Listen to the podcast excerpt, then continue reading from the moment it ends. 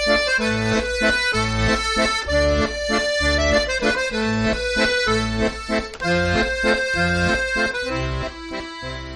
antropòleg estava fent uns estudis a una tribu sud-africana.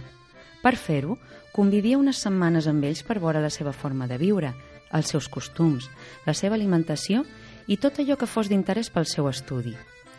Un dia, realitzava una observació. Mirava com jugaven els infants de la tribu. En un moment determinat, l'antropòleg va penjar un cistell ple de fruites a un arbre que estava a uns 50 metres dels nens. Es va apropar als petits i els hi va dir, en la seva llengua, Veus aquell cistell que està penjat a les branques baixes d'aquell arbre? Us proposco una cursa. El primer que arribi l'arbre guanyarà totes les fruites que hi ha al cistell. Va marcar una línia en terra amb el peu, va col·locar els infants darrere de la mateixa i va aixecar la mà.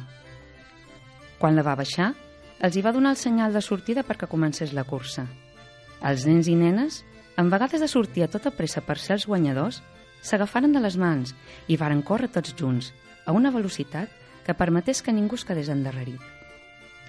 Sorprès, els hi va preguntar per quina raó havien corregut així, si un d'ells podria haver guanyat totes les fruites de la cistella. Els infants li varen contestar al mateix temps.